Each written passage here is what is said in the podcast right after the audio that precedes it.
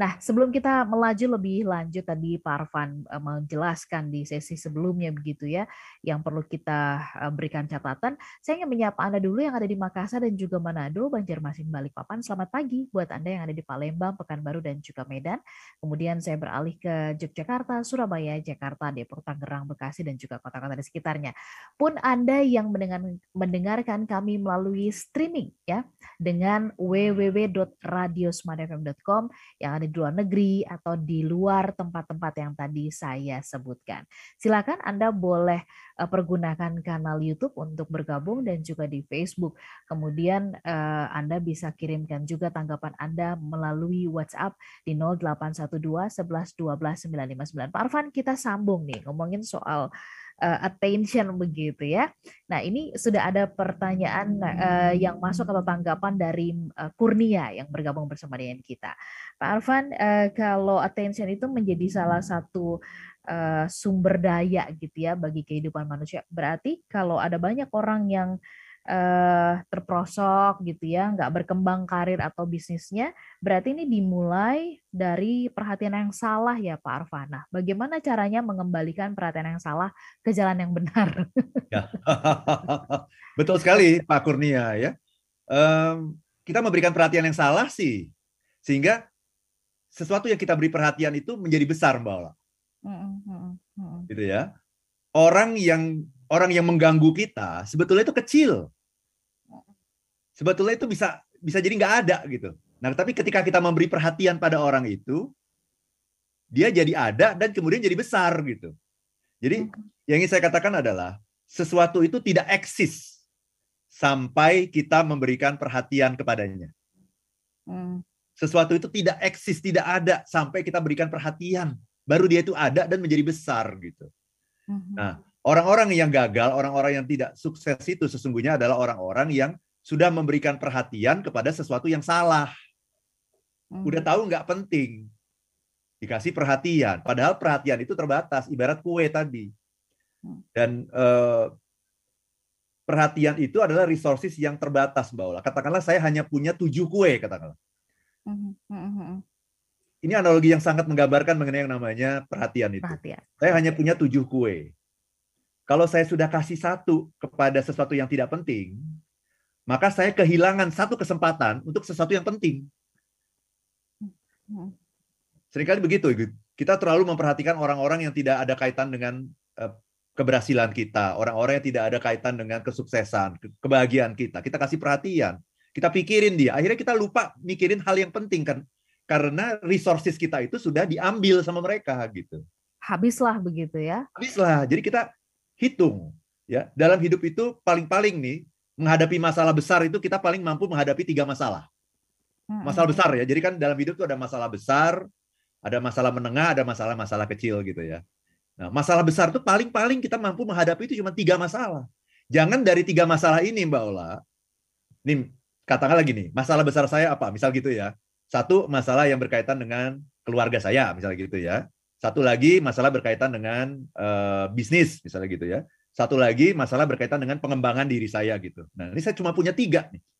Jangan kemudian kita cuma punya tiga tiga kue gitu. Satunya kita kasih ke orang yang yang kita nggak suka, yang kita benci. Akhirnya apa? Kue saya tinggal dua gitu. Padahal saya uh, punya masalah besar tiga sebetulnya dalam dalam hidup. Akhirnya apa? satu sudah di sudah habis perhatian saya untuk orang yang saya benci gitu karena saya mikirin dia terus uh, apa uh, membayangkan dia terus padahal saya benci sama orang itu. Saya kasih perhatian tapi. Nah tinggal perhatian saya tinggal tinggal dua. Satu buat keluarga satu buat bisnis misalnya. Satu lagi uh, untuk pengembangan diri saya jadi saya tidak punya tidak punya resources lagi tidak nggak punya alokasi lagi untuk pengembangan diri. Kenapa? Karena yang satunya udah telanjur saya berikan kepada orang yang saya benci gitu. Nah, itu analoginya kurang lebih seperti itu, Mbak Ola. Resources-nya terbatas gitu.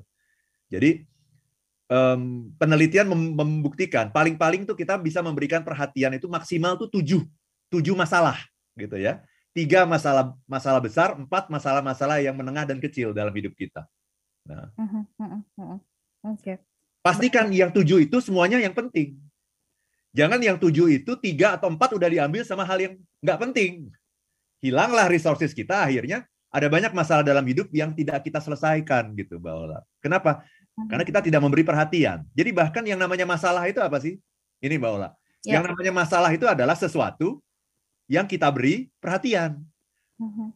Kalau kita nggak beri perhatian itu bukan masalah. Misal gini, kalau gigi saya sakit, itu masalah bukan Mbak Ola? Masalah lah, kan mengganggu perhatian kita juga ke hal-hal yang lain ya. gitu kan.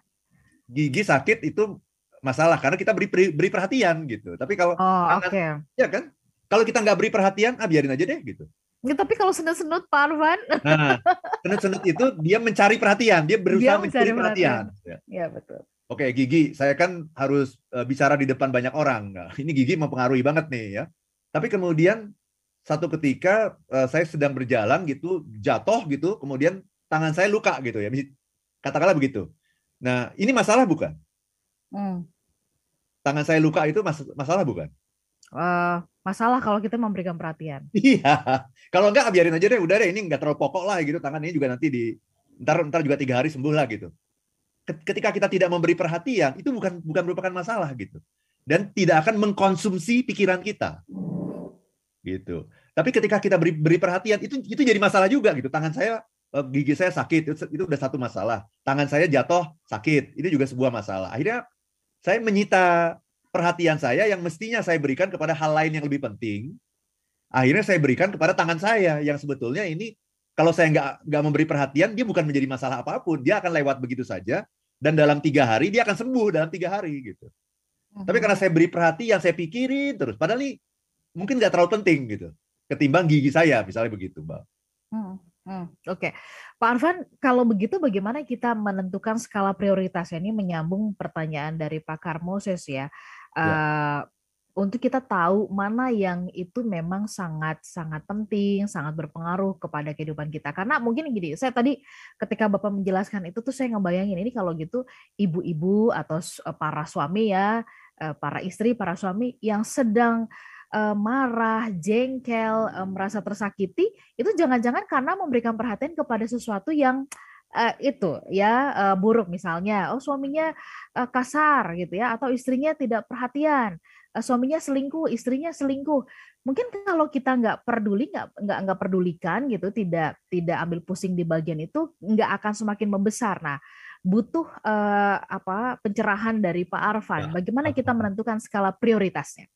Ya kalau seperti itu ya uh, kita kenapa kita uh, seorang suami misalnya merasa nggak nyaman dengan istrinya karena dia memberi perhatian pada eh, hal-hal yang mungkin kurang baik dari istrinya gitu.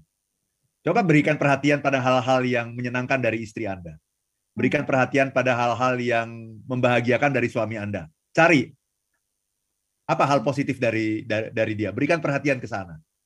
Nah, itu juga akan akan mengubah nanti mengubah mengubah mindset kita gitu. Kita ketika sedang berantem itu kan yang dilihat yang negatif aja, yang yang, di, yang dipikirin tuh hal-hal yang negatif aja, yang diberi perhatian hal-hal negatif aja gitu. Mhm. Padahal positif dan negatif itu kan selalu ada dalam setiap orang kan itu satu paket ya. Satu paket itu ada positif ada negatif itu satu paket. Ketika kita menikah itu kan kita melihat bukan karena orang ini tidak ada negatifnya gitu, tetapi positifnya jauh lebih banyak daripada negatifnya kan seperti itu gitu. Jadi uh, itu kalau kaitan dengan hubungan antara uh, suami dengan istri ya, seperti yang tadi Mbak Ola uh, contohkan tadi.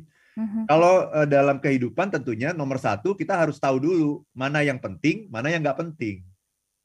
Okay. Nah ini yang sering kali kita juga rancu, nggak tahu mana yang penting, mana yang nggak penting, semua dikasih attention. Ya, yeah, ya, yeah, ya. Yeah ya habis attention kita. Akhirnya attention kita untuk hal-hal yang penting habis. Kenapa dihabiskan? Karena kuenya tadi, saya cuma punya kue tujuh. Kuenya itu sudah saya kasih ke hal-hal yang nggak penting. Saya lupa memikirkan hal yang penting. Jadi ketika kita memberikan satu saja perhatian kepada hal yang tidak penting, sesungguhnya kita sedang menghilangkan satu kesempatan untuk hal yang penting. Hmm. Pasti ada area dalam hidup kita yang kita lupakan tuh karena kita sibuk mikirin hal-hal yang nggak penting itu gitu. Jadi ya. nomor satu tahu tahu dulu apa yang penting, apa yang nggak penting. Itu harus kita definisikan. Nah pertanyaannya apa yang penting? Yang penting itu adalah sesuatu dalam hidup yang membuat Anda mencapai tujuan Anda, sasaran Anda, goals Anda, KPI Anda, target Anda. Itu, itu adalah hal yang penting. Hal-hal di luar itu itu tidak penting sesungguhnya. Nah, kita harus berani melakukan yang namanya eliminasi. Ini masalah penting tidak penting gitu. Hmm. Kalau kita tidak tahu ya kita menganggap semuanya penting gitu. Ya kalau saya sudah menikah misalnya. Kalau saya belum menikah dulu nih waktu masih masih single nih, saya mengatakan apa? Semua wanita itu penting, Bola. Iya kan? Jadi semua dikasih perhatian gitu kan. Namanya juga orang single kan, masih men men mencari yang terbaik kan gitu. Tapi ketika saya sudah menikah, maka saya akan mengatakan, tidak semua wanita itu penting. Wanita yang penting itu adalah istri saya, udah itu aja. Sehingga saya memberikan perhatian pada istri saya. Wanita yang lain tidak saya kasih perhatian gitu. Karena dia tidak penting dalam hidup saya. Dulu waktu masih single, semua saya kasih perhatian gitu. Sekarang enggak, hanya istri saya itu yang penting. Yang lain tidak penting, tidak saya kasih perhatian. Selesai masalah. Nah, yang salah adalah karena kita tidak tahu mana yang penting, mana yang tidak penting. Orang sudah menikah, sudah punya istri yang cantik, tapi istri tetangga masih dikasih perhatian. Ya kan? Istri uh, istri orang lain ketemu di kantor ini masih dikasih perhatian. Nah, itu yang salah gitu. Akhirnya apa? Lupa sama hal-hal yang penting yang ada dalam hidup kita. Kita lupa kasih perhatian. Seperti Siap. apa itu anak kita, karir kita, uh, orang tua kita, kita lupa kasih perhatian. Kenapa? Karena perhatiannya sudah disita oleh wanita lain ini yang sesungguhnya dia bukan orang penting dalam hidup Anda. Itu itu sebagai contoh aja ya, analogi aja ya Pak yeah. Arman ya. Oke, kita sambung nanti di sesi berikutnya nih ada pertanyaan juga soal perhatian dan cinta ini gitu ya. Yeah. Dan tadi belum sempat uh, terjelaskan mengenai uh, bahwa attention itu kan terbatas ya hmm. source-nya ya. ya. Nanti yeah. Pak Arfan bisa uh, apa lebarkan penjelasannya nanti di part yang berikutnya di sesi yang terakhir. Ya, Smart Listener tetap bersama dengan kami dalam satu sesi yang terakhir attention itu menjadi topik bahasan kami. Sebelum uh, saya kelupaan ya, ini kan banyak yang nanya nih, tetapi kita butuh dulu uh, penjelasan dari Pak Arfan ya mengenai perhatian ini kan terbatas. Kalau gitu kan kita mesti sangat arif dan sana banget gitu kan. Ya. Dan uh, limitnya ini sampai kapan? Mungkin itu nanti juga Pak Arfan bisa kasih penjelasannya. Silakan Pak Arfan. Nah, ini pertanyaan penting sekali nih dari Mbak Ola ya. Jadi eh, perhatian itu terbatas sekali, Mbak. Itu sumber daya yang sering kali kita defisit, Mbak Ola. Uh-huh, uh-huh. Ya, karena pikiran kita itu nggak bisa dibagi-bagi gitu. Ya, contoh eh, terkini adalah yang contohnya ya minggu lalu itu kan ada sebuah kecelakaan itu yang saya kira sangat menyedihkan banyak orang ya. Betul. Uh, Vanessa uh, Angel itu ya yang yeah. kemudian uh, di jalan tol menuju Surabaya itu dia terlempar dari mobil dan meninggal dunia. Nah, kenapa bisa terjadi seperti ini? Ini kan masalah perhatian sebetulnya. Hmm. Jadi ketika mengemudi mobil ini, supirnya ini namanya si Jody gitu ya. Si supirnya ini ketika kita mengemudikan mobil sebetulnya uh, yang paling penting. Nah ini dunia ini kan dibagi dua, penting tidak penting gitu ya. Ketika kita mengemudi mobil, yang paling penting dalam hidup kita tuh apa?